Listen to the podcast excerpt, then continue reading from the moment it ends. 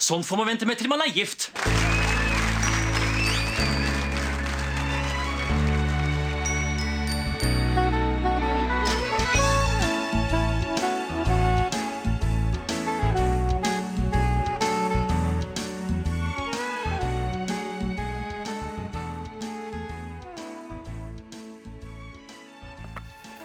Hallo, bloggen! Hallo, blogger! Velkommen til Norsk film filmpodkast. Podkasten hvor vi ser norsk film med et kritisk, men kjærlig blikk. Mitt navn er Emil. Jeg sitter her som alltid med. Stefan heter jeg. Og i dag så skal vi til 2012, en film som er regissert av Simen Alsvik.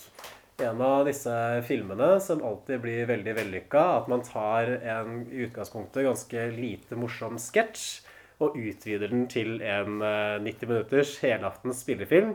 Vi snakker om Tina Bettina The Movie. Jeg heter Tina. Og jeg heter Bettina. Og dette var videoblogg! Og med det erklærer vi skoleåret for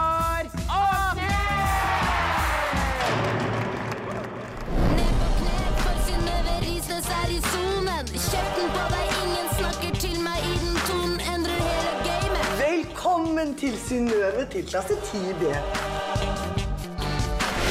Hvem er han her? Det er Niklas av Silvestedt, den mest erfarne gutten på hele skolen. altså. Erfarne? Ja, Han har fingra alle i 10C. Nei.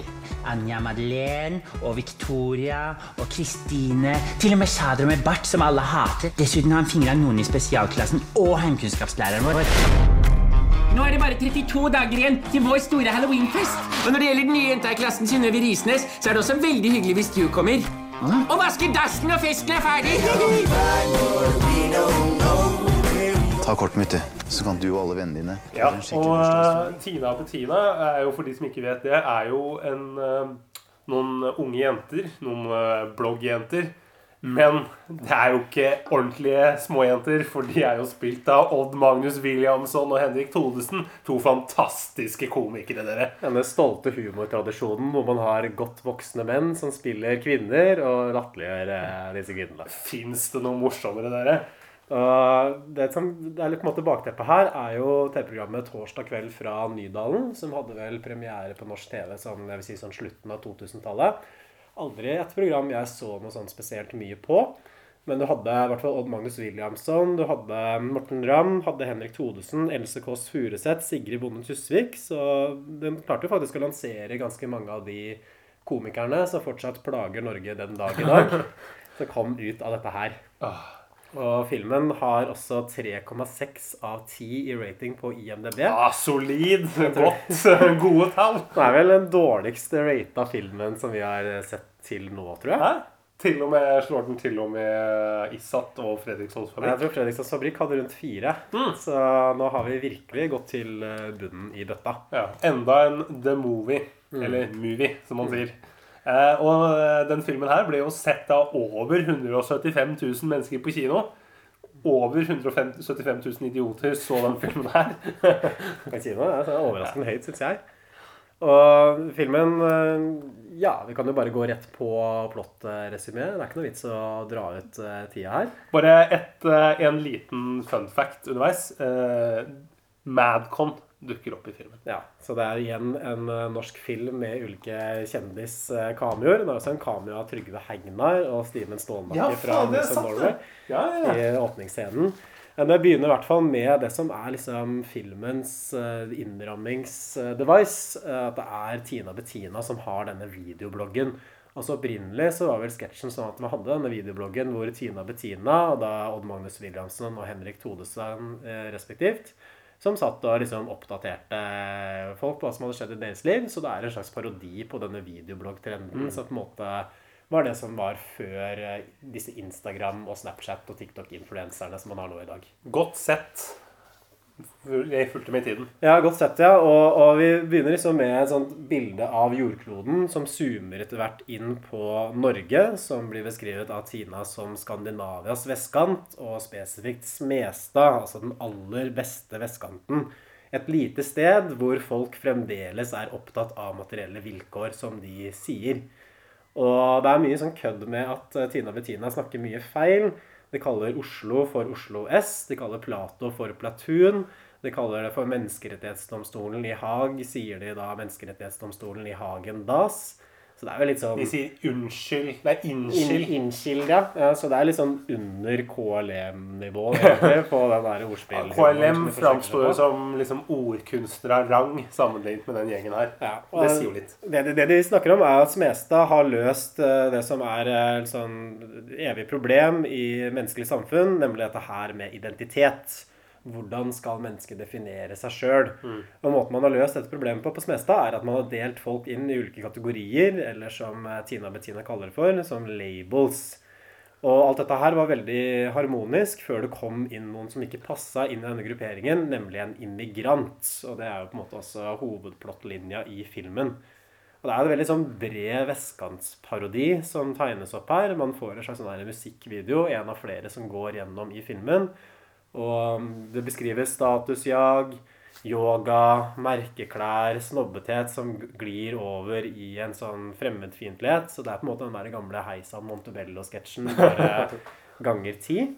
Og det er kanskje noe av problemet også, syns jeg, sånn helt innledningsvis, at det blir så ekstremt sånn karikert helt fra start. Og det er jo en parodi eller karikatur som er så ekstremt overdrevet og så ekstremt unyansert at den blir lite treffende, selv for meg som ikke er så veldig glad i vestkanten. og liksom den kulturen som det representerer.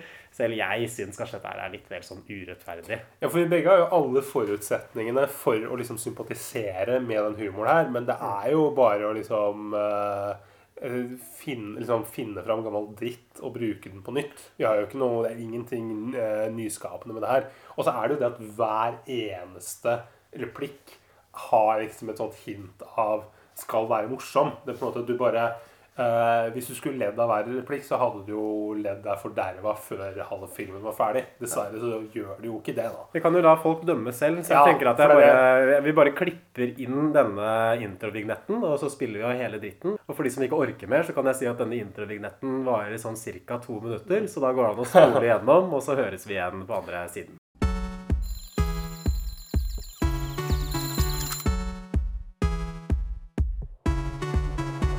Alltid fresh, alltid klar. Det er hardt å bo på Smestad.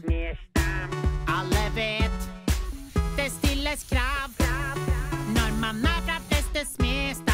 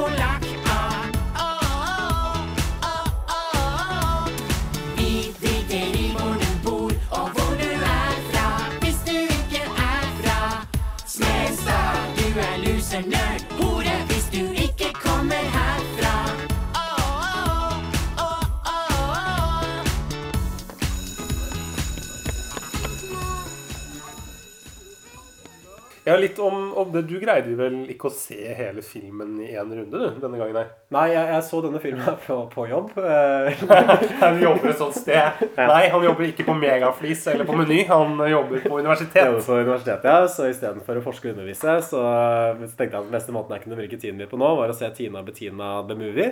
Og der, der, der måtte jeg gjøre det sånn at jeg så filmen bare i 82 minutter, og da så jeg nøyaktig 41 minutter på dag én, og så tok jeg en pause, og så så jeg 41 minutter dagen etter. Så det sier kanskje litt om, eh, om eh, hvor mye jeg fikk ut av dette her. Eh, Men vi kan jo gå videre i plottet. At filmen starter sånn for alvor med en scene i gymsalen på Smestad ungdomsskole, hvor rektor ønsker velkommen til det nye året. Eh, Tina og Bettina er elevrådsrepresentanter. Tina er elevrådsleder, og Bettina er uh, viseelevrådsleder. Og de er på en måte liksom skolens kuleste, da. Og spesielt Tina er liksom queen bitch på, på Smestad ungdomsskole. Eh, Så introduseres det en ny elev som skal starte i klassa til Tina og Bettina. Som er eh, Synnøve Risnes, spilt av Triana Iglesias. Jeg har kjent eh, programleder, bl.a. for eh, Paradise Hotel. Blant annet. Ja, hvor jeg for, for egentlig syns hun gjør en veldig god jobb. At jeg liker veldig godt Triana Iglesias i Paradise Oi! Hotel. Ja, ja, men enig, er i Paradise Hotel. I denne filmen her så syns jeg kanskje ikke det er like vellykka. Nei. Hun er ikke en, hun er ikke en skuespiller. Men uansett, uh, her får vi jo enda flere sånne vestkantparodier. Fordi det er jo det de har uh, Disse elevrådslederne de har jo fått til Elevrådspresidentene, kaller de seg. Har jo fått til veldig mye bra på den skolen. her. De har fått uh, erstatta nynorsk med fondsforvaltning. Og gjett hvem som er læreren i fondsforvaltning. Det er Trygve Hegnar, som vi snakka om i stad. Og så har de eh, det er, vel, det er vel flere kjendiser som dukker opp der. De har andre valgfag. Det er vel en uh, eh, Hvem er det? Ja, det, ja, de har noen motegreier eller noe entreprenørskap med Ja. Steven Simen Stålnakke. Han Moose of Norway Ja, fra, fra Moose of Norway, ja. ja. før Moose of Norway gikk eh, konk. Og vi har også en veldig åpenbar produktplassering fra D-Juice. At det er noen sånne svære D-Juice-plakater i bakgrunnen av Ah, gymsalen. Så, gikk meg hus forbi. ja, så det, det, det er nok et eksempel på ganske mange av sånne åpenbare produktplasseringer i filmen. Og jeg kan liksom ikke se for meg grunnen til at man skulle ha svære D-Juice-plakater inne på en offentlig norsk skole. Eh, verken i 2012 eller i dag eller i tidligere i historien, for den saks Men det bygger jo litt under at de selger seg til alt, og på en måte at de har, de har masse penger opp for å finansiere Trygve Hegnars fondsforvaltningskurs, så må du jo kanskje ha DJs-plakater da, Ja. på skolen. Det er også en sånn replikkveksling hvor de snakker om uh, ei som kler seg horete. At hore er på en måte det store skjellsordet for Tina og Bettina i den kulturen her. Og da er det en av jentene som sier at hun er billigere enn D-juice, med veldig mye Åh! trykk på, på D-juice. Så det er en produktplasseringen er egentlig like sånn skamløs som miljøet som eh, skildres. Eh, Vi går videre til en eh, klasseromscene. Her har man et litt sånn friskt innslag, syns jeg, av ei som jeg egentlig alltid liker å se, nemlig Minken Fossheim, som oh, spiller ja. Hvorfor brukes eh, Eller ble ikke Minken Fossheim brukt mer i norsk film? Rest, rest in peace. og det er også her man finner ut at Synnøve Risnes, altså Triana Iglesias, skal begynne i klassen. Og selv om Triana Iglesias er jo veldig truende for spesielt Tina, sånn i kraft av hennes utseende, egentlig. Eh, en ting som kanskje ikke er så truende med henne, er skuespillerferdigheten hennes. At jeg syns at Triana Iglesias framstår som veldig sånn awkward, sånn malplassert i den rollen. Og det er vanskelig å ikke tenke at det er Triana Iglesias når man ser henne. Hun spiller jo seg selv, og det er, eh, hun greier jo ikke helt å holde holde mm, liksom, eh, på maska når, på måte, når, når det kommer liksom, ting som er morsomt. Så begynner hun liksom å le. Og du ser jo at den e e ekte Triana Iglesias ler jo hjertelig av Magnus Williamson og Henrik Thodesen. Det er kanskje derfor de har tatt henne med. At de har møtt henne på byen, og så lo hun veldig av dem. Og så tenkte de sånn Ja, hun, hun er en fin dame. Hun liker oss. Så har de bare sittet og prata i vei og, og bare latt Trine bare prata i vei. Og Tina, Triana Iglesias har hørt på dem og vært veldig glad og fornøyd. Ja, altså Triana Iglesias, for all del, hun holder seg godt, hun, altså, men hun ser jo litt eldre ut enn 15, som er det den karakteren skal være. Og med Tina Bettina så kjøper man det kanskje, fordi det er jo Henrik Thodesen og Odd-Wagnes-Williamsen i drag og i sminke. Uh, mens Triana Iglesias Ja, det, det er vanskelig å kjøpe hennes karakter. Vi kunne like godt slengt inn. Ingar Helge Gimle som en, liksom, en sånn kid. Og vi får også et sånt innblikk i dynamikken mellom Tina og Bettina. At det er liksom Tina som er eh, liksom main bitch i det forholdet. Det er hun som er alfakvinnen. Uh, mens Bettina er liksom nestkommanderende og litt mer eh, forsiktig. Og her får man en konflikt mellom de to ganske tidlig. Fordi Bettina ønsker å ha en litt mer sånn inkluderende strategi mot Triana Iglesias. Eh, mens eh, Tina er eh, veldig avvisende og bare ønsker å støte henne ut pga. den trusselen som Triana representerer. Det er jo sånn klassisk sånn uh, drama, det her, hvor, uh, hvor man uh, i en jentegjeng hvor man prøver å være liksom den ene hersker, og det er veldig mye, det er veldig mye drama og ut, sånn direkte utfrysning. Ja, man kan jo si at i den grad at den filmen her handler om noe, i det hele tatt, så handler den kanskje om den statuskulturen og liksom det prestasjonspresset og liksom presset på å være kul, som kanskje spesielt preger vestkantskolene. Jeg vet ikke om du kjenner så godt liksom, til vestkantmiljøet. Du kommer fra Nesodden. eh, Ja, det er jo en sånn merkelig sånn mellomting mellom øst og vest. I hvert fall da jeg vokste opp der. Nå har det jo blitt en sånn vestkantkoloni. Men øhm, Nei, altså Jeg, jeg, jeg kjenner jo jeg, jeg har jo Jeg har en, øhm, en øh, mor, hei Ragnhild, som jobber på en videregående på vestkanten. Og da hører jeg, har jeg hørt titt og ofte sånne historier om folk med russebuss og liksom av den typen her. Så jeg, jeg syns jo Eh, mitt inntrykk er jo at folk er jo Dette er jo ikke så overdrevent, egentlig. Folk er jo ganske Mange er jo sånn. Ja, jeg, jeg, Og det er et hardt miljø. Ja. liksom, eh, det er veldig mye utfrysning og, og sånn. Mer enn det jeg opplevde da jeg var kid. Nei, jeg, jeg, også, jeg kommer fra Hamar. Jeg liksom Vokste opp der og gått på skole i Hamar. Og, men jeg har også jobba på skole på østkanten, og det inntrykket som jeg fikk da, i fra lærerne, er at det er nesten hardere det miljøet på vestkanten enn det det er i øst. Så man kanskje tenker at det er motsatt. Nettopp fordi at uh, vestkantmiljøene er så ekstremt statusorientert. Det er så mye penger og, og, måte, og involvert der at måte, du skal ha de riktige klærne og riktige stilen og sånne ting. Mm. Og det ser man jo også sånn generelt, faktisk. At hvis man ser på studier av sosial kontroll og liksom strenge sosiale regler, så er gjerne det strengere jo høyere opp i samfunnet man kommer. At de folka som er liksom arbeiderklassen, de tenderer til å være litt mer eh, rause og inkluderende. Mens det er liksom vestkantmiljøer, eller sånn privilegerte miljøer, at disse små distinksjonene, at disse små forskjellene blir veldig viktige. Hvis du sitter og drikker deg i hjel på Den røde hatt, så er det, ikke helt den, den stemningen der. Nei, nei. Og ja, det, det som blir på en måte hovedkonfliktlinja i filmen, er denne konkurransen mellom Tina og Triana Iglesias. At uh, Triana går ganske kjapt til motangrep. Og hun forsøker å ta over Smestad ungdomsskole i kampen om å være queen bitch, eller alfakvinnen her. Dette her illustrerer de med et musikknummer hvor Triana rapper over bl.a. bilder fra Sovjetunionen, faktisk, av soldater som marsjerer over Den røde plass.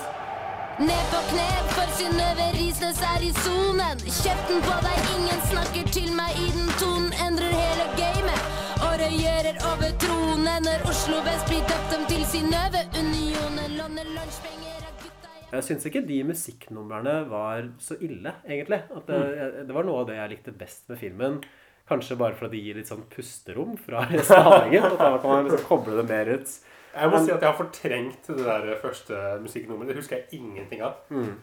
Men uh, Nei, men jeg er enig. Det er jo, det er jo noe med det. Jo dårligere film, jo, uh, liksom, jo deiligere er det med en pause. Ja, og det ligger kanskje litt mer opp til det sketsjformatet som eh, Odda og Todesen tross alt eh, liksom, lykkes best i, da. Eh, Så det blir kanskje lettere å liksom lage en sånn morsom musikkvideo, litt sånn som du ville gjort i 'Torsdag kveld fra Nydalen', enn det å skulle bære liksom en dramatisk film med tydelig plott og tydelige intriger og humoristiske poenger underveis. Det er nok litt over deres nivå å måte få å gjøre det vellykket. Men, men det, uansett så er det jo denne Tina Hun, beskriver, liksom, hun beskriver jo uh, Synnøve Risnes som et innvandringsproblem. Og måte, nå har de fått noen innvandrere her, og det er, det er ikke bra. Og det gjøres et poeng ut av at uh, denne Tina, eller Synnøve, kommer fra vestkanten, hun også. Fra Midtstuen, Mm. Holmenkollen. Ja, Holmenkollen, ja. Så det er jo på en måte, det er jo heller ikke en, en østkantelev vi har med å gjøre her. Nei, Holmenkollen er vel kanskje det mest privilegerte området i hele Oslo. Kanskje mer privilegert enn eh, Smestad. Ja, til og med, ja. Eh, Det er sånn vanskelig å skjønne hva som er Trianas motivasjon her sånn helt fra starten. Så er hun egentlig like utspekulert som det Tina er, og vil bare ta over tronen, eller er hun faktisk et bedre menneske? Og igjen, at den tvetydigheten kan jo være tilsikta, for alt jeg veit, men det står mye på skuespillerprestasjonen til Triana. Hun spiller liksom bare sånn kul, digg jente i hver scene. Ja. Og Hun framstår som veldig lik som det hun gjør når hun er på Paradise Hotel, når hun snakker med deltakerne der. Bare at hun står i et slags sånn cheerleading-kostyme. Ja, vi, vi skjønner jo For det er det jeg heller aldri skjønner om, ehm, om For at hun begynner jo etter hvert å Og det begynner blir jo en konkurranse mellom hun og Tina om hvem som er uh, kongen på skolen her.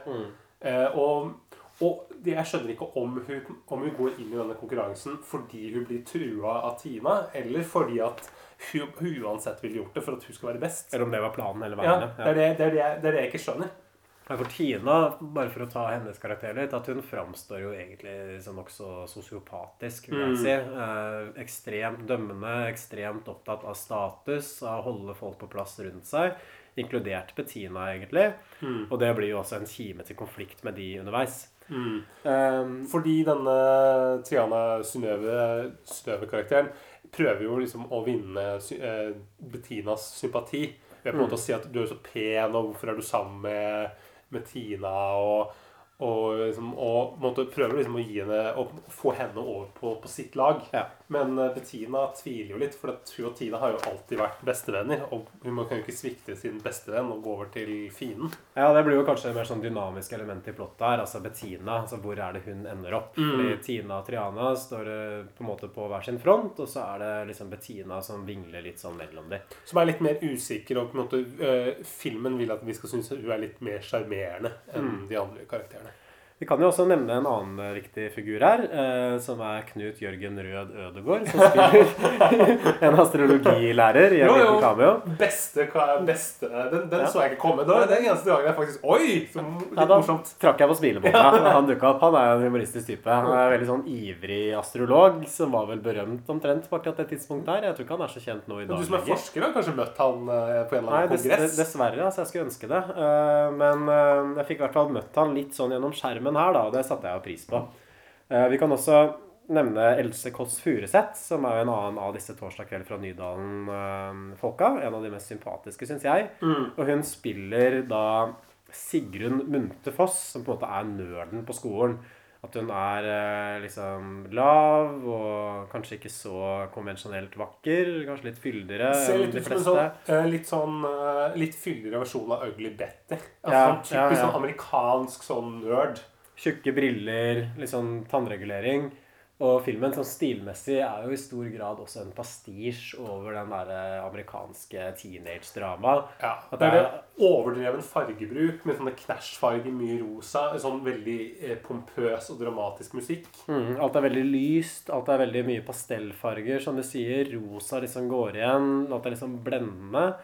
Um, hvert fall For en sånn B-historie da med denne Else Kåss Furuseth-karakteren, altså eller Sigrun Munthe Foss, hvor hun skal forsøke å invitere folk til bursdagen sin. uh, noe som krasjer med en halloweenfest som Tina og Bettina har planlagt på samme dato. Ja, og denne halloweenfesten er jo en greie, for til vanlig så inviterer jo Tina og Bettina bare kule folk på festen, men nå bestemmer de seg i et sånt råd om at de skal invitere alle, også nerder og horer, skal få komme på festen, bortsett fra Synnøve Risnes. Ja, Som er et ledd i denne eksklusjonsstrategien. Ja, de skal virkelig fryse den ut. Hun er på en måte Hun er verre enn Asha med bart, til og med. eller annen karakter. Ønsker å nøytralisere denne trusselen med en gang. Mm. Og Triana bestemmer seg da for å hjelpe Sigrun med å sette opp denne bursdagsfesten i direkte konkurranse med halloweenfesten til Mm. Tina Bettina. Hun gjør dette her når hun ser kredittkortet som faren til Sigrun eh, har gitt til Sigrun. Og faren til Sigrun er spilt av Ingar Helge Gimle. Den beste rollen, bortsett fra Jørgen Rød Ødegård i serien. si. Ja, helt klart. Uh, som er en litt sånn uh, snill, godtroende type. Som vi skjønner at måte har vært litt som sin datter. Han har vært en uh, nerd på skolen. Mm. Men nå så ligger han med mora til Tina. Ja. Det kommer jo fram Som er litt mye kulere. Og det her blir liksom filmens hovedintrige, da, sånn i filmens andre halvdel, kanskje. At det er liksom konflikten mellom Tina og Bettina på én side, og så har du Synnøve, altså Triana Iglesias, og Else Kåss Furuseth som Sigrun på den andre. Og så sentrert rundt disse to festene, hvor konkurransen handler om å lage den festen som flest har lyst til å gå på for å være populær, da. Og så er det jo denne liksom Bettina som driver og vingler, som ikke egentlig helt greier å bestemme seg for hvilken leir hun er i. Hun på en måte holder seg trofast ved bestevenninna si, men hun er nære ved å hoppe hoppe over til andre sida, og det, det skjer vel etter hvert. Ja, for det blir, det blir jo en sånn komplikasjon her, for det kommer frem at Tina tidligere hadde vært venn med hun Sigrid Munthe Foss, sånn da de var små. Men at hun hadde ditcha Sigrid Munthe Foss da Bettina flytta til Smestad. Så det er jo en annen innvandrer, egentlig. Så da kan ikke den innvandringstematikken ha vært så ny. Hvis er Bettina også var en tilflytter. Hæ, de har faktisk, ja, det, det er et poeng. De har, hatt andre, de har hatt andre innvandrere der før. Ja, og så Det blir en litt sånn rar, dramatisk scene her hvor Tina Bettina skal stå og snakke ut om dette her, og liksom det med å bli ditcha og vennskapslojalitet. Og det som blir rart med det, er jo at For det er jo Odd Magnus Williamsen og Henrik Thodesen som står liksom i drag og gjør denne scenen. Og de er veldig gjenkjennelige også som seg selv, så det er veldig vanskelig å kjøpe den faktisk som tenåringsjenter. Det er vel ikke poenget her heller. Men samtidig som at én ting man kanskje skal gi dem, da, er at de har jo gått jævla inn i rollene sine her. At de liksom gir alt i, i de rollene og forsøker liksom å tilføre disse utgangspunktet liksom pappfigurene, ekstremt karikerte typene, en eller annen form for dybde. Du skal alltid bare hasse rundt og kontrollere folk og baksnakke og Det er falsk. Er jeg falsk? Sier du, som har endret hele imaget ditt til en døgnåpen Max-slutt. Ja, det er i hvert fall bedre det enn å være en psycho som ingen liker. Løgner, løgner, skitten sigøyner. Alle liker meg. Nei, alle liker ikke deg. Folk er bare redde for deg og er redde for å bli frosset ut. Og så smisker de med deg.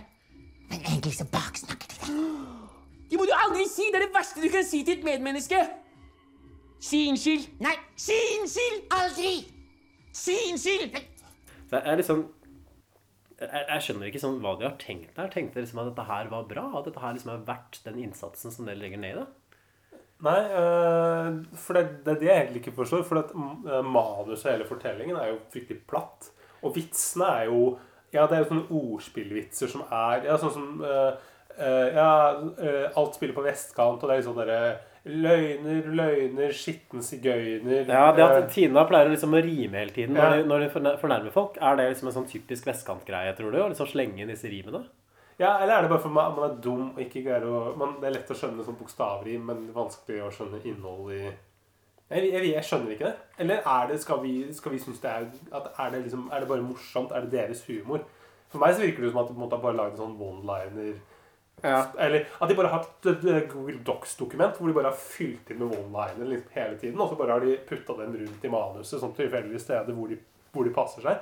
Men disse vitsene blir ikke så veldig treffende heller, gitt liksom at filmen er såpass karikert. Og det er igjen dette der, eh, liksom produktplasseringselementet. At det er en sånn replikkveksling mellom Triane Iglesias og Else Kåss Furuseth. Hvor Else Kåss Furuseth sånn spør er du seriøs, og så svarer hun ja, jeg er like seriøs som Top Model. Tror du det også er produktplassering, eller? Ja, på en måte at de har sponsa Top Model. Ja, men like seriøs som Top Model, det er jo ikke noe humoristisk, det. Er det for at liksom Top Model er så useriøst? Nei, jeg Jeg er like ikke. seriøs som Top Model, så det er liksom vitsen at de tenker at Top Model liksom er verdens mest seriøse ting. Ja, det må jo være det. da. Jeg skjønner, men det, det er, kanskje jeg er for en, en gammel gubbe som ikke skjønner vitsene. At det måtte ha med det å gjøre. At det derfor ikke dette appellerer til meg. Nei, men vi var ikke gamle gubber da den filmen kom Nei, ut. Da var vi jo 22, så da Ja. utgangspunktet skulle vi være ganske Om ikke midt i målgruppa, så ikke så langt unna Nei. Vi burde i hvert fall skjønne, forstå dette her. Nei, jeg, jeg skjønner ikke det.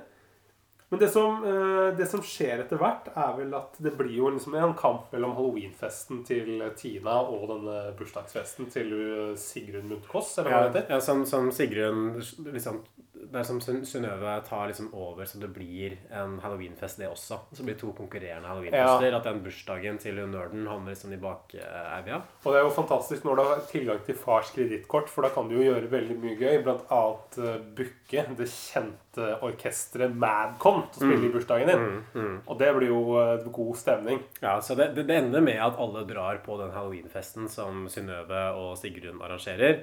Og at Tina står helt aleine igjen på den halloweenfesten etter å på en måte sin. Etter på en måte ha støtt fra seg alle, inkludert Bettina. Ja, og, og det er jo nå Her kommer det jo en Her kommer det vel en slags sånn Ja, det heter turning point i Ja, filmen. For der, Her begynner liksom den kjipe siden til uh, Synnøve å komme ut igjen. da, For hun presser Sigrun til å åpne farens vinkjeller, som han liksom eksplisitt hadde sagt at ikke åpne den Her er viner her. til flere hundre tusen kroner og sånn. Ja, Ikke gjør det. sikkert. De drikker jo ikke viner til flere hundre tusen kroner i, når vi ser dem drikke. De drikker jo sånn Smirnoff Ice og sånne der møkkaviner. eh. Så her er det jo Mm. Blue Nun og Black Ja, Tower. og Der skjønner vi jo kanskje at eh, Odd Magnus og Todesen ikke har så mye, hatt vært så mye på vestkanten. At de ikke greier å kjenne igjen en eh, Nei, men de, de må jo komme fra vestkanten De må selv, jo det. De De snakker jo som vestkantfolk. Ja, du hører jo bare navnet Williamson og Todesen. Det er vestkantnavn, syns jeg. To- Hvem heter Todesen? Høres ut som et tullenavn. Det høres ut som sånn Nigeria-brev. Og der, der, etter å ha åpna Farens vinkjeller, så kommer det også en liten sånn der musikalnummer fra Synnøve Triana Iglesias da, om det å blande ut spriten. Da kan vi egentlig ikke ta, for hvis vi blir oppdaget, så får jeg husarrest og Det gjør ingenting. Jeg kan et triks. Det her er verdens eldste triks på hjemme alene fester. Å blande ut umerkelig, der er jeg som en mester. For flaska skal bli akkurat så full som den er nå. Og jeg skal bli akkurat så full som flaska og blande vann i brennevin. Bland ut, bland inn litt, blande vann er gull. Jeg skal bli drita full, takk til pappaen din. Naive gamle mann, felles gode, takk deg selv, ass. Du svindler som en ny turist på taxitur i Hellas. Egentlig er jo det tillitsbrudd. Hva? Han er som alle fedre. Han stoler ikke på deg, da fortjener han ikke bedre. Jeg må bare si igjen sånn hvor klein jeg syns Triana Iglesias er i den rollen der. Og jeg syns også det var en av de dårligste låtene så langt sånn rent tekstmessig. Det er en linje der hun sier Hei, nå gjør jeg vann til vin. Jeg er den illusjonisten. Det er meg og David Copperfield og Jesus. Er du kristen? Ja, herregud. Ja, den Jeg er den illusjonisten. Men tror du det var teksten? Eller tror Ja, det var teksten, det- men, tror du, men at hun har sagt det feil? Nei, det, det tviler jeg på, for disse låtene er jo spilt inn i studio. Det er ikke noe de spiller liksom Det er ikke noe de synger sånn. Kanskje hun har skrevet den selv? Ja, kanskje. Det er for dårlig til og med for å være signert Odd Magnus Williamson. Ja, men i hvert fall i denne festsekvensen så kommer det som er filmens eneste gode scene, syns jeg. Som er den lille scenen med Ingar Helge Gimle som ringer til dattera si. Hvor han ser veldig boss ut, og så sitter han liksom i en sånn svart slåbrok med en dyp utringning, har veldig bra hår på kassa. Det er altså her det kommer fram at han driver og ligger med mora til uh, Tina. Jeg skulle ønske at det var at filmen hadde handla litt mer om Ingar Helge Gimle, egentlig. Ja. Sånn, hva jobber han med?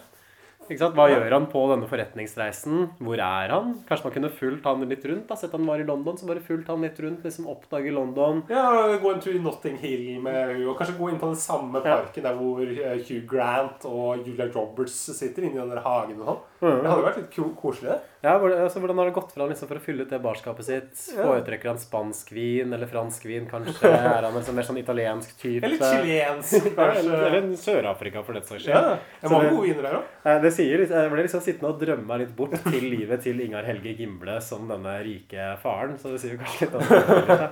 Jeg ville jo gjerne vært Ingar Helge Gimble i den filmen. Det virker som han lever et drømmeliv. Jeg ville vært Ingar Helge Gimle generelt. Jeg. Tror du han har det fint? Ja, jeg tror han lever et charmed eh, liv. Så han er sånn sympatisk Han virker som en sånn gjennomført eh, god fyr. Mm. Jeg, måtte, jeg, har lyst til å være, jeg har lyst til å kjenne Ingar Helge Gimle. Så hvis du hører på, ta kontakt med meg. Ja. Eh, nummeret mitt eh, finner du på 1881, for det er fortsatt ikke hemmelig. Eh, vi har altså en eh, liten konsert her fra Madcon hvor de spiller en låt eh, som går vel sånn Er det fest på Smestad vest? Er det fest på Smestad vest? Så det er omtrent like gjennomarbeida som filmen ellers, kan man si. Og igjen så får man liksom den kjipe siden av Triana Iglesias sin karakter. At hun står og snakker dritt om Sigrun på kjøkkenet. Mm. Og liksom forteller om hvordan hun lurte Sigrun til å tro at det skulle være bursdagsfesten hennes, når egentlig hun bare skulle ta over tronen fra, fra Tina. Mm. Og viser liksom sine sanne farger her. Altså hvem hun egentlig er.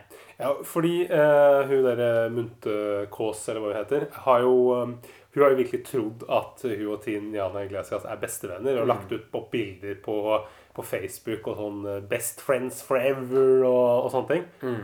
Og blir jo da Hører jo dette her og blir jo fryktelig lei seg. Og går opp på PC-en sin for å slette dette Facebook-bildet med 'Best friends forever'. Og da kommer det en viktig intrige, fordi det viser seg at Triana Iglesias egentlig ikke er fra Holmenkollen i det hele tatt. Hun er fra Stovner. Ja, og dette er jo eh, tjukkeste Oslo øst, og det er jo ikke noe kult å være fra Stovner. Dette her syns jeg er litt sånn utroverdig, for jeg tenker at hvis jeg hadde vært Tina og Bettina for så vidt, så det hadde begynt en ny eh, jente i klassa mi som jeg følte meg trua av, så Mm. tror jeg noe av det første jeg ville gjort, var vel å gått gjennom hele Facebook-profilen deres. Altså Det gjør jeg nå liksom med alle jeg blir kjent med. Når jeg ble kjent med deg, Stefan, så gikk jeg første jeg gjorde da jeg kom hjem, og gå inn på Facebook og gå gjennom alle bildene. Oi. Kartlegge. Ikke sant? Se er det noe jeg her kan ta deg for. Ikke sant? Som jeg kan ta deg på. Og, det, og jeg er jo ikke like statusjaga. Du er jo en forsker. eh, Du, på en måte, du, forsker jo på ting. har jo analytisk tilnærming, kanskje. Men, men jeg tenker at Tina og Bettina ville jo ha sett dette bildet Mm. fra Stovner før. Ja, de, Og- De er kompetente på sosiale medier. De, på måte, de, kan jo, de får jo en blogg til å funke, så de kan, kjenne i hvert fall til Det er jo videobloggere, og, liksom ungdom i den alderen de sitter jo bare på Facebook hele dagen. Ja, så måte selvfølgelig har de sjekket ut det på forhånd. Så det her er jo Og det bildet er jo åpenbart Det er jo noe hun der Sigrun, Sigrun Munthe Kåss oppdager ved en tilfeldighet. Hun har jo ikke engang lett etter det. Nei, hun bare hvor- trykker seg videre i bildene. Så det ligger der liksom bak i profilbildene til uh, Synnøve. Ja, så Bettina og de her hadde jo funnet det på, på to minutter. Ja, så det er første, karakter, første Mm. plottbrist er det at Tina og Bettina ikke har funnet det. Og så Det peker jo tilbake på en annen plottbrist igjen, som er det at Synnøve ville jo selvfølgelig ikke ta fjerna taggen på den hvis at planen var å flytte til Smestad og gi seg ut for å komme fra vestkanten for å plasse inn. Ja, for hun, er jo, hun, hun framstilles som sånn passe glup i den uh, serien her. Ja, Hun framstår egentlig som mest intelligent av dem, Mm. syns jeg. I hvert fall den som er mest utspekulert, og best kanskje på å framstille seg selv som noe annet enn det hun egentlig er. Ja. Um, I hvert fall så tar Sigrun med seg denne nye informasjonen da, om at uh, Synnøve egentlig er fra Stovner, og så forsøker hun å avsløre det, men det ender at hun blir kasta ut fra sin egen fest. Og så er det sånt sideplott som har gått i bakgrunnen mens alt dette her har skjedd, som er at Bettina skal ligge med en sånn svensk fyr som er kledd i en sånn ulvedrakt. At han får henne med opp på, på rommet. Det er mye sånn kødd med svensk her, hva man kaller sko. ikke sant? Det er daier, at man kaller pute for kudde. Det utvikler seg etter hvert til en slags sånn overgrepsscene hvor han svensken forsøker å presse seg på henne. Eh, veldig insisterende og veldig sånn voldelig også, selv om Bettina sier nei, nei. Jeg veit ikke. Eh, han liksom setter seg oppå henne og skal liksom prøve å ta henne korsetta, sånn med makt, mot Mm. hennes vilje. Så for alle de som kunne tenkt seg å se Henrik Thodesen kledd ut som en tenåringsjente, blir forsøkt voldtatt av en svensk mann i ulvekostyme. De har i hvert fall funnet filmen for, for dem. Og ender med at hun slår en flaske Koskenkorva i hodet på ham, og at han eh, besvimer at hun kommer seg unna. Nei! Jeg hadde egentlig tenkt å fingre deg skånsomt og mjukt men nå ser det ut som at du vil ha fram vargen i meg, Bettina Og du vet at vargen, den fingrer ikke. Den boter! Slutt opp! Nei! Nå! Nei! Nei! Nei! Sluta Bettina, Jeg sier ingenting. Ah! Ah! Jag instängd i min egen direkt! Nei, nei, nei! Ja, denne svensken er jo spilt av eh, Bjørn Gustafsson, som var en sånn, som var en ganske sånn, kjent komiker som gjorde en del ting i Norge også i den perioden, men som har blitt helt borte. Ja. Som blant annet uh, lagde en sånn spin-off av Solsidan eh, som het Kontoret, som var litt sånn der Office-aktig, hvor han hadde en stor og viktig rolle. Ja, men han, det er også en klassekamerat av dem, eller? Ja, for det er det han For det, det, det, lanseres allerede fra start et sånt plott om at han, han er den mest kjekke, han er den kjekkeste gutten i klassen. Og den mest erfarne. Ja, for han har fing, fingra så mange. Og Tina har, er, er veldig forelska i han, og Bettina må jo absolutt ikke røre Nei. denne Bjørn Gustavsen. Men igjen, da, ikke sant? Fordi hvis hele ideen her er at det som setter filmen i gang, er noe som aldri har skjedd, nemlig at det kommer inn en person utenbys fra. Men han er jo svensk. Så han er kanskje svenske foreldre, da. Men han er jo en slags innvandrer, Ja. han òg.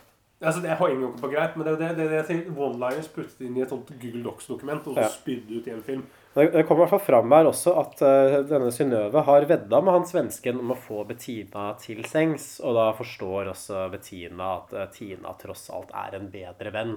Så det ender med at hun og Sigrun går over til eh, huset ved siden av, hvor Tina har denne alenefesten sin. Og så avsluttes filmen med en sånn slagscene mellom Synnøve på den ene siden og Tina Bettina på den andre. Mm. Og denne scenen er filma som en sånn skytescene av en eller annen grunn. Og lagt på litt sånne en del animasjoner med sånne bang og smell og Ja, jævlig crappy animasjon. Dårlig ja, ja. Men det, det skal vel, det skal vel Samtidig så pågår det en sånn voiceover med at det var en stor krig, som andre verdenskrig på Smestad, og, og hvor det liksom øst sto mot vest, og, eh, og vi, vi, skjønner, vi skal jo bare skjønne at dette her er eh, over the top. Det er liksom overdrevent. Det ikke, har ikke noe rot i virkeligheten. Det var kanskje en liten krangel. Men, For det, er, for det er jo den der innrammingsgreia som filmen har, som på en måte rettferdiggjør også at voiceoveren til Tina og Bettina går over det. At dette er liksom deres videoblogg, der de som sitter i ettertid og forteller om det er ikke sånn ferdig, det her. Nei, så det er litt sånn unreliable narrator-greie. Man kan kanskje ikke stole helt på det som man ser. Eh, Og mm, det ender i hvert fall denne scenen med at Synnøve på en måte muterer til å bli et slags sånn monster. Igjen veldig dårlig animert. Så det syns jeg så ut som noe som kunne blitt tegna på en sånn gjennomsnittlig god elev på mediekommunikasjon på, på videregående. Um, og eh, på slutten av dette her så blir det en slags sånn ja, eh, konfliktavvikling mellom Tina Bettina og Synnøve. At Synnøve på en måte prøver å nærme seg dem. Og det er de med på, helt til det kommer fram at hun er fra Stovner, og så flytter hun tilbake igjen, og så blir på en måte status Mm. quo gjenoppretta. Og så er filmen ferdig. Bortsett fra at uh, Munte Kåss uh, får være venner med Bettina og Tina Bettina mot at du gjør leksene for dem. Og, Ja. og da får du til og med være med litt i videobloggen. Bare Mm. i bakgrunnen. da. Og så kommer en sånn avsluttende tale fra Tina også, og hun sier at det spiller ingen rolle hvem du har vært før, fordi du kan forbedre deg i løpet av livet og gå fra én kategori til en annen. Så jeg vet ikke, er det liksom moralen i filmen, eller, er, eller har filmen i det hele tatt noe moral, eller noe sånt poeng som man ønsker å komme fram til? Eh, Det er vel bare at folk på vestkanten er veldig overfladiske og veldig eh, opptatt av hvor folk kommer fra. Og at eh, og, og på en måte å ha lite selvinnsikt. Jo, men hva slags, hva slags posisjon har på en måte filmen til det? For det er en helt sånn åpenbar observasjon som hvem som helst kan komme med. Men jeg tenker jo ofte så har jo filmer en eller et eller annet sånn poeng. At filmskaperen kanskje har et eller annet argument, noe man ønsker å formidle, noe man ønsker at seeren skal sitte igjen med. Og her er det veldig vanskelig å se, for det blir jo en sånn happy ending at Triana bare flytter tilbake igjen til, til Mm. Stovner. Og Tina Bettina fortsetter som normalt, bare at nå har de integrert hun Else Kåss Furuseth. Bare at nå må hun bare gjøre leksene deres og betale for å bli med dem på fest. I og med at man har den der innrammingen også i filmen, at det her på en måte skal være et sånt essay som Tina Bettina har lagd til en, det er vel en engelsk stil, som Mm. de har gjort, så må det jo være et eller annet sånn argument også i deres tekst. Eller et eller annet man skal sitte igjen med som seer, da. Men hva er det? Sånn, hva slags, fordi filmens parodi av vestkanten er så ekstremt karikert og åpenbar, så Mm. den er jo ikke noe original. Ikke sant? Så det er ingen observasjoner her som man ikke har sett 100 ganger før. Mm. Og så er jo spørsmålet mitt liksom, Har filmen noe å si om denne vestkantparodien utover det? Ikke sant? Tilfører filmen Men det tror jo ikke jeg. Jeg tror det er det altså, Jeg tror det er, det er så opplagt som det jeg sa, at det er at folk på vestkanten de er overfladiske, og de, måte, de er selvgode og har veldig lite selvinnsikt. Og det er veldig, det, det er veldig morsomt. Og at det måtte speile kanskje en sånn eh, liksom, generasjon en, liksom en, ny, en ny generasjon som måte er enda verre. Jo, men det, igjen, sånn Odda og Todesen er jo voksne menn. ikke sant? De Ja, har men- bak men- seg i mediebransjen, og de kan jo ikke tenke at dette her er en ny observasjon som er interessant nei, det, å se jeg, i tror 90 minutter. men tror du, ikke, tror du ikke helt ærlig Det er noe, enten de eller noen andre har tatt kontakt med dem og på en måte de har funnet på at ok, vi skal lage en Tina og Bettina-film. Hva skal vi lage den om?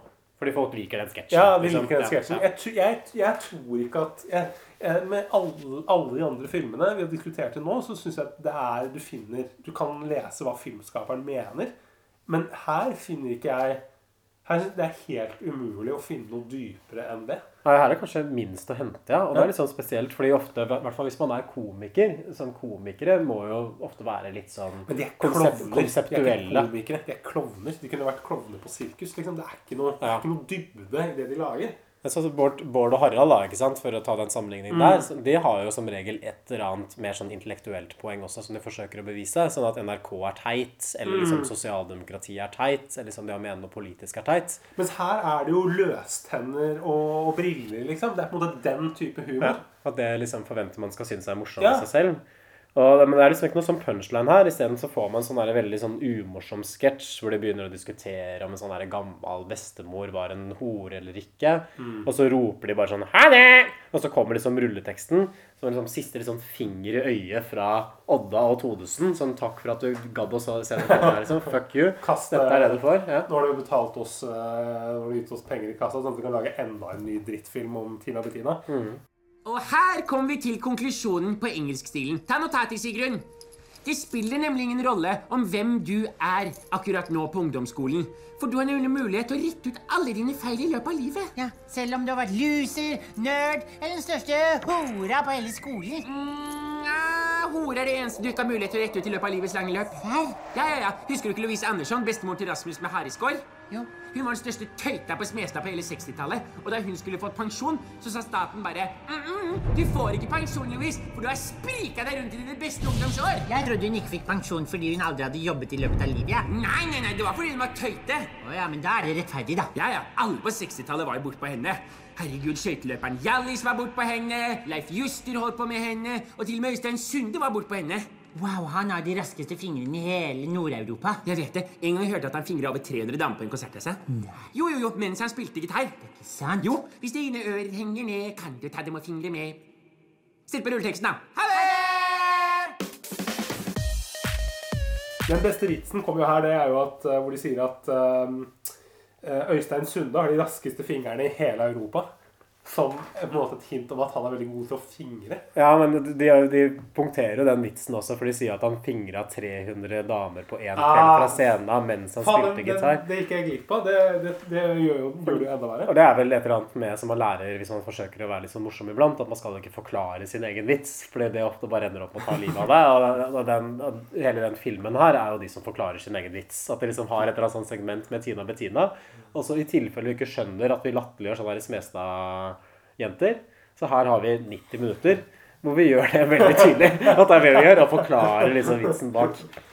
Og, Men det er jo det. Det er så overtydelig. Det er, ikke noe, det er jo ikke subtilt i det hele tatt. Og det er jo det som er hele problemet med filmen. Det er jo samme at Hver eneste replikk hinter til liksom hvor dumme folk på vestkanten er. Hvis du, hadde, hvis du hadde gjort det litt bedre, så hadde du på en måte hatt hver tiende replikk. da. Mm. Du må lete litt. eller gjort måtte- det med litt mer sub subtilitet. Ja.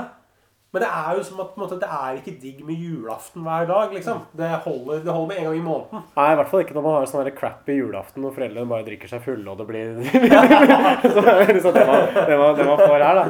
Og ofte så kan man jo liksom komme med sånne innvendinger. Det har blitt veldig populært nå liksom, i tiden vi lever i, at man har innvendinger mot filmer på et sånn politisk plan. Men da er det gjerne at man har en innvending fordi filmen representerer noen feil, at det handler om innholdet. Men jeg synes den politiske innvendingen som kan rettes mot Tina Bettina the Movie, er jo at filmen i det hele tatt ble lagd. Mm. Altså, liksom, Hvor mye tror du den filmen har kosta? Sånn 10-15 millioner?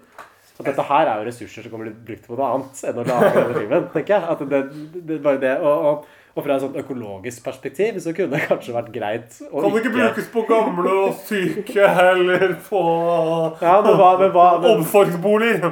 men, men hva tror du er liksom CO2-avtrykket av Tina Bettina the Movie? Sånn her, Hvor mange tonn CO2 tror du ble sluppet ut da under den konserten til Madcon eksempel, på den festen? Du kan sikkert kjøre sånn uh, privathelikopter mellom Oslo og Trondheim 15 ganger da, for den prisen. Ja, og når man ser liksom, når man sitter på en sånn forkulla jordklode som har blitt helt brent i stykker av global oppvarming, og så ser man tilbake på ok, hva var det som førte oss hit vi er i dag, og så kan man peke på Tina Bettina som en av de tingene som har valgt å bruke ressurser på, og vi valgte å bruke energi på og bruke penger på. Jeg syns det er film som er veldig vanskelig å forsvare eksistensen av. Så det er kanskje min politiske kritikk, at denne filmen ble lagd. Mm. I det hele tatt har vært bedre hvis den ikke eksisterte. Ja, det er, en, det, er en, det er en feil i utgangspunktet. Mm. Uh, og nå tenker jo folk at ok, nå sitter jo dere Nå raljerer jo dere veldig mye over den filmen her. Kanskje mer enn det vi har gjort noen annen gang. Men det er, uh, det er jo en film du bare blir provosert av å se. Ja. Men det, er- det er så unødvendig. Ja. Det er, eh, ja, det er bare Det er bortkasta plass, dette. Ja, til og med Issat, som er jo en av de andre liksom, virkelig dårlige filmene vi har sett. Og den kan jeg se en slags sånn begrunnelse Mm. med. Ok, ja, det er ikke en vellykka film, men de hadde jo i hvert fall en eller annen idé om at man skulle skildre et sånt norsk-pakistansk miljø som ikke hadde vært så veldig mye på film tidligere. Hadde kanskje ikke lagd den type gangsterfilm i Norden, eller i hvert fall ikke i Norge, da, før, før den. Uh, man liksom hadde dialog på urdu. ikke sant? Det er på en måte man kan se på Issat og si at ja, selv om det ikke er en vellykka film, så har den i hvert fall en sånn en eksistensberettigelse. Ja, og så tror jeg opprinnelig at tanken var liksom å lage en god film. Man har på en måte hatt ambisjoner om å lage noe, mens her så har man på en måte man har fått akkurat det produktet man hadde intensjoner om å lage. Mm. Det, er ikke, det er ikke noe mer eller mindre. Det er Så var det ingenting. Ja. ja det var dritt. Og det, det. Og det er litt sånn ironisk også en film som handler sånn på papiret såpass mye om å kritisere en sånn overfladisk kultur som bare handler om å lage status. At den filmen her er jo det. Den filmen Mm. her er jo ekstremt overfladisk. Like overfladisk som den vestkantskulturen som de forsøker å parodiere. Ja, for det handler jo om at uh, Odd Magnus Williamson og P fa- Henrik Thodesen uh, prøver å etablere seg som, liksom, uh, som komikere. Apropos, eh, jeg har jo en eller annen gang så var jeg jo på standup med Henrik Thodesen. Eh, det er helt grusomt. Eh, da sneik Henrik Thodesen i ølkøen forbi alle andre, for han var jo kjendis. Så han skulle Ja, riktig at jeg rekker opp og scenen med en halvliter. Han Ja, Han var ferdig med, med showet. Han er sikkert tørst. Oh, ja. ja. Han er ferdig, ja. ja. Han hadde ikke engang det å hvile seg på. Han er Norges minst morsomste mann, vil jeg si. Ja, det vil jeg også si. Men ja, eh, hva tenker du om Odd Magnus Williamson og Henrik Thodesen som komikere? Nei, jeg må jo si at jeg føler at hele den generasjonen der med 'Torsdag kveld fra Nydalen' uh, syns jeg innebar Jeg ser på det som den store nedturen i norsk humor. Mm. Som vi egentlig ikke har kommet oss ut av ennå. Fordi hvis man tenker på liksom norsk humor som til dels et sånn generasjonsprosjekt, at du har forskjellige generasjoner som kommer liksom med hver sin greie Og i generasjonen før så hadde man jo Bård Tufte Johansen, Harald Eia, Atle Antonsen, Kristoffer Schou, bare Egil. Resten av den, liksom, den gjengen der som fikk til noe. Som tok norsk humor i en sånn kreativ, intelligent retning. Og så kommer liksom Henrik Thodesen og co., og så skrur de bare klokka tilbake rett sånn til 80-tallet, egentlig. Ved å bare ha en sånn lavpanna parodi på Saturday Night Live og annen sånn dritthumor fra USA. Ja, eller, eller bare det er, det, er, det er som å se Dizzie Tunes. Det er liksom sånne Ja. folk med løstenner som, uh, som eller, eller, eller, eller det derre rorbua liksom med Altså, hvor du, på en måte, hvor du bare spiller på liksom Oi, han ser så dum han er. Han har så stygge tenner. Men se, oi, så gøy at han synger som eh, Frank Sinatra. Oi, så Mm. morsomt det er. Og så er det ikke noe, noen som helst interesse liksom, i å utforme, utfordre formen på humor. Utfordre liksom, publikums forestilling om hva humor kan være. Kanskje utfordre publikum sjøl, som den forrige generasjonen var veldig gode på. Og jeg synes jo liksom på Torsdag kveld fra Nydalen at det er jo de samme sketsjene igjen og igjen og igjen, og igjen etter uke etter uke. At det er liksom forskjellige sånn innslag. F.eks. en Tine og Bettina. Og da er jo joken alltid den samme. ikke sant? Mm. Aha, se så overfladiske og statusorienterte jenter på vestkanten her. sant? Det er hele punchlinen der. Nei, men Det er jo bare H-melk i ny kartong fra gang til gang. Den ene gangen så er det skrukork, den andre gangen så er det sånn flapp som åpnes på toppen. Noe mer originalt. Det er jo fortsatt akkurat det samme innholdet, og det smaker jo helt likt. Hver gang. Mm. Nei, og Tina, Bettina The Movie er jo et eksempel på hvor eh, galt det kan gå, syns jeg, når man ikke har noen som helst liksom, intellektuell tilnærming til Mm. prosjektet sitt. Man har ikke noe sånn ironisk distanse heller. At det er også en veldig sånn rar film å se, for den er utrolig sånn ironiløs. Mm. I hvert fall sånn til seg sjøl. At filmen er jo en latterliggjøring av noe annet, men filmen utforsker liksom aldri sitt eget ståsted. Og man kunne jo kanskje stilt det spørsmålet Er det så jævlig smart å drite ut 16-åringer fordi de er opptatt av merkeklær? Eller fordi de har lite forhold til amerikansk eller internasjonal politikk fordi de bare er opptatt av kjendiser og smykker? Er det, er det en god observasjon ikke sant, å komme i 2012? Eller kan man ta et litt mer kritisk blikk på den observasjonen igjen, og kanskje gjøre det sånn metahumor ut av det? Liksom latterliggjøre den parodien? Ja, men også, og, også om det er liksom Er det bakenforliggende årsaker her? Er det fordi at Norge liksom har blitt et litt sånn ekkelt velferdssamfunn? Eller Mm. velstandssamfunn? Eller har det liksom med de der foreldrene å gjøre som skjemmer bort ungene sine? Det er på en måte det er ingen sånn Det er ingen kontekst annet enn at det er veldig gøy med, med de der barna som på en måte er eh, som bare, ja, som du sier, er opptatt av merkeklær og liksom overfladiske og ikke greier å Ja. snakke reint. Altså, Som en, som en gjennomsnittlig intelligent 16-åring på Smestad ungdomsskole kunne klart å komme fram til akkurat den samme type analysen, og akkurat de samme vitsene. Ja, for det, det virker som det er en film som er laget på medier og kommunikasjon, bortsett fra at budsjettet er, er eh, 100 ganger så svært. Ja. Og det, det jeg også syns er litt sånn sjukt, er jo at han Henrik Thodesen har vel ikke gått videre til å gjøre noe særlig etter dette her, så vidt jeg har fått med, i hvert fall. Ja, Han det er sikkert godt sånn det det, kan vi si. Middelmådig standup-komiker. Mens han Odda eh, er jo en fyr som har på en måte klart å rebrande seg som en litt sånn intellektuell, kunstnerisk type. Men han hadde vel den derre filmen som kom nå i fjor, 'Ingenting å le av', eh, om en sånn standup-komiker som får kreft, som var regissert av Petter Ness, og som han skrev Ah, sjøl. Ja, og som faktisk vant pris for beste manus under Monte Carlo Comedy Film Festival. Ah, den, ja, den Så, eh, anerkjente festivalen. Ja, større hedersbemerkelse enn det er det ikke mulig å få tak i. Så han har liksom prøvd å gå i en litt sånn kvasi-intellektuell retning, og jeg har jo alltid syntes at han framstår som en litt sånn oppblåst og selvgod type. Men jeg mener at den filmen her, at liksom den filmen har hans fingeravtrykk såpass tydelig over seg ikke sant? Dette er hans prosjekt, hans og Todesens prosjekt. Den burde ha vært nok til å liksom knekke enhver kredibilitet han noensinne kunne få, og bare punktere karrieren.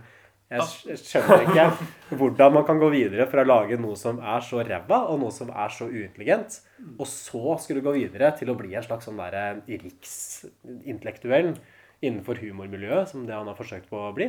Men du tenker at han burde gått enten rett til liksom en jobb på kassa, i kassa på Rema, eller jobba, vært med i Komikameratene eller noe etter dette? Enten sånn rein sellout eller bare exit fra humorbransjen. Jeg, jeg tror det handler om at i Norge er, er for lite land. At vi har for få kjendiser. Så de få kjendisene og komikerne som vi faktisk har, de må man gi så mange eh, sjanser. Fordi Mm. man har ikke noen andre. Fordi folk vet hvem denne fyren her er. Ja, og det er ikke noe andre å ta. Men sånn i USA så er det jo mange som har lyst til å bli komikere. ikke sant? Så da kan man jo, hvis én person ikke leverer godt, så kan man jo bare skvise ut de, og så kommer det noen andre inn. Men det er litt som at eh, Øyvind Blunk fortsatt gjør liksom nye standup-show i en alder av 75 år. Ja, men noen han gidder å se på det. Men jeg syns jo Fridtjof er jo mye bedre enn det her. Ja, men, men, men han har jo tatt han har jo tapt seg. Han har jo på en måte gått ut på, på dato. Ja, men han har gjort det sånn i en alder av 70, mens den, jeg vet ikke hvor Mm. gamle de var her, er sånn i starten av 30-åra kanskje. og skulle jo egentlig være liksom i sin De har aldri vært i siget, liksom. Mens Øyvind Blunk var jo i siget en gang. Jeg tror som i et, et hvilket som helst annet land som var en såpass stor størrelse at man faktisk har en mer sånn kompetitiv, eh, liksom konkurranseprega medieindustri, så ville denne filmen avslutta Odd Magnus Williamsens og Henrik Thodesens karriere. Det hadde vært det siste man hørte fra dem, og det syns jeg også det burde være i Norge. Jeg skjønner ikke hvordan man kan komme seg tilbake fra dette her og bare gå rundt og late som den filmen der aldri har skjedd. Og såpass dårlig syns jeg den er, altså. Fantastisk. Hva, hva gir du den i terningkast, Emil? Nei, det er vel ikke så stor tvil om det. Det blir jo en eh, firer, da. Oi, det var sterkt. Nei, nei, det blir jo så klart en terningkast igjen. Eh, Det er vel Hvis vi skal begynne å snakke om dårlig film som vi har sett, så er det vel Issat, 'Kvinnen mitt liv'. Jeg ville heller sett de filmene om igjen enn å sett Tina og Bettina på nytt. Tror jeg. Til og med Isat. Nei, helt enig. Det er ingen annen film Jeg tror ingen annen film jeg noen gang har sett som jeg har mindre lyst til å se igjen enn Mm. Tina og Bettina. Ja, liksom å ha mindre eksistensberettigelse. Nei, det er helt uh, Det er bortkasta plass i eh, DVD-hyllene på Mm. universitetet. Og på biblioteket. Og hvor den enn står. Ja. Terningkast én. Så det var eh, nok en episode fra oss i Norsk uh, film filmpodkast, hvor vi ser norsk film med et eh, ikke fullt så kjærlig, men desto mer kritisk blikk. Ja, kanskje en av de litt mer kritiske episodene. Ja, så for flere gode vibber og positive og konstruktive innspill, så kan man jo bare sjekke tilbake neste uke. Ja, gjør det. Eh, takk for nå. Farvel. Ha det! Ha det! Ha det, bloggen! Ha det, bloggen!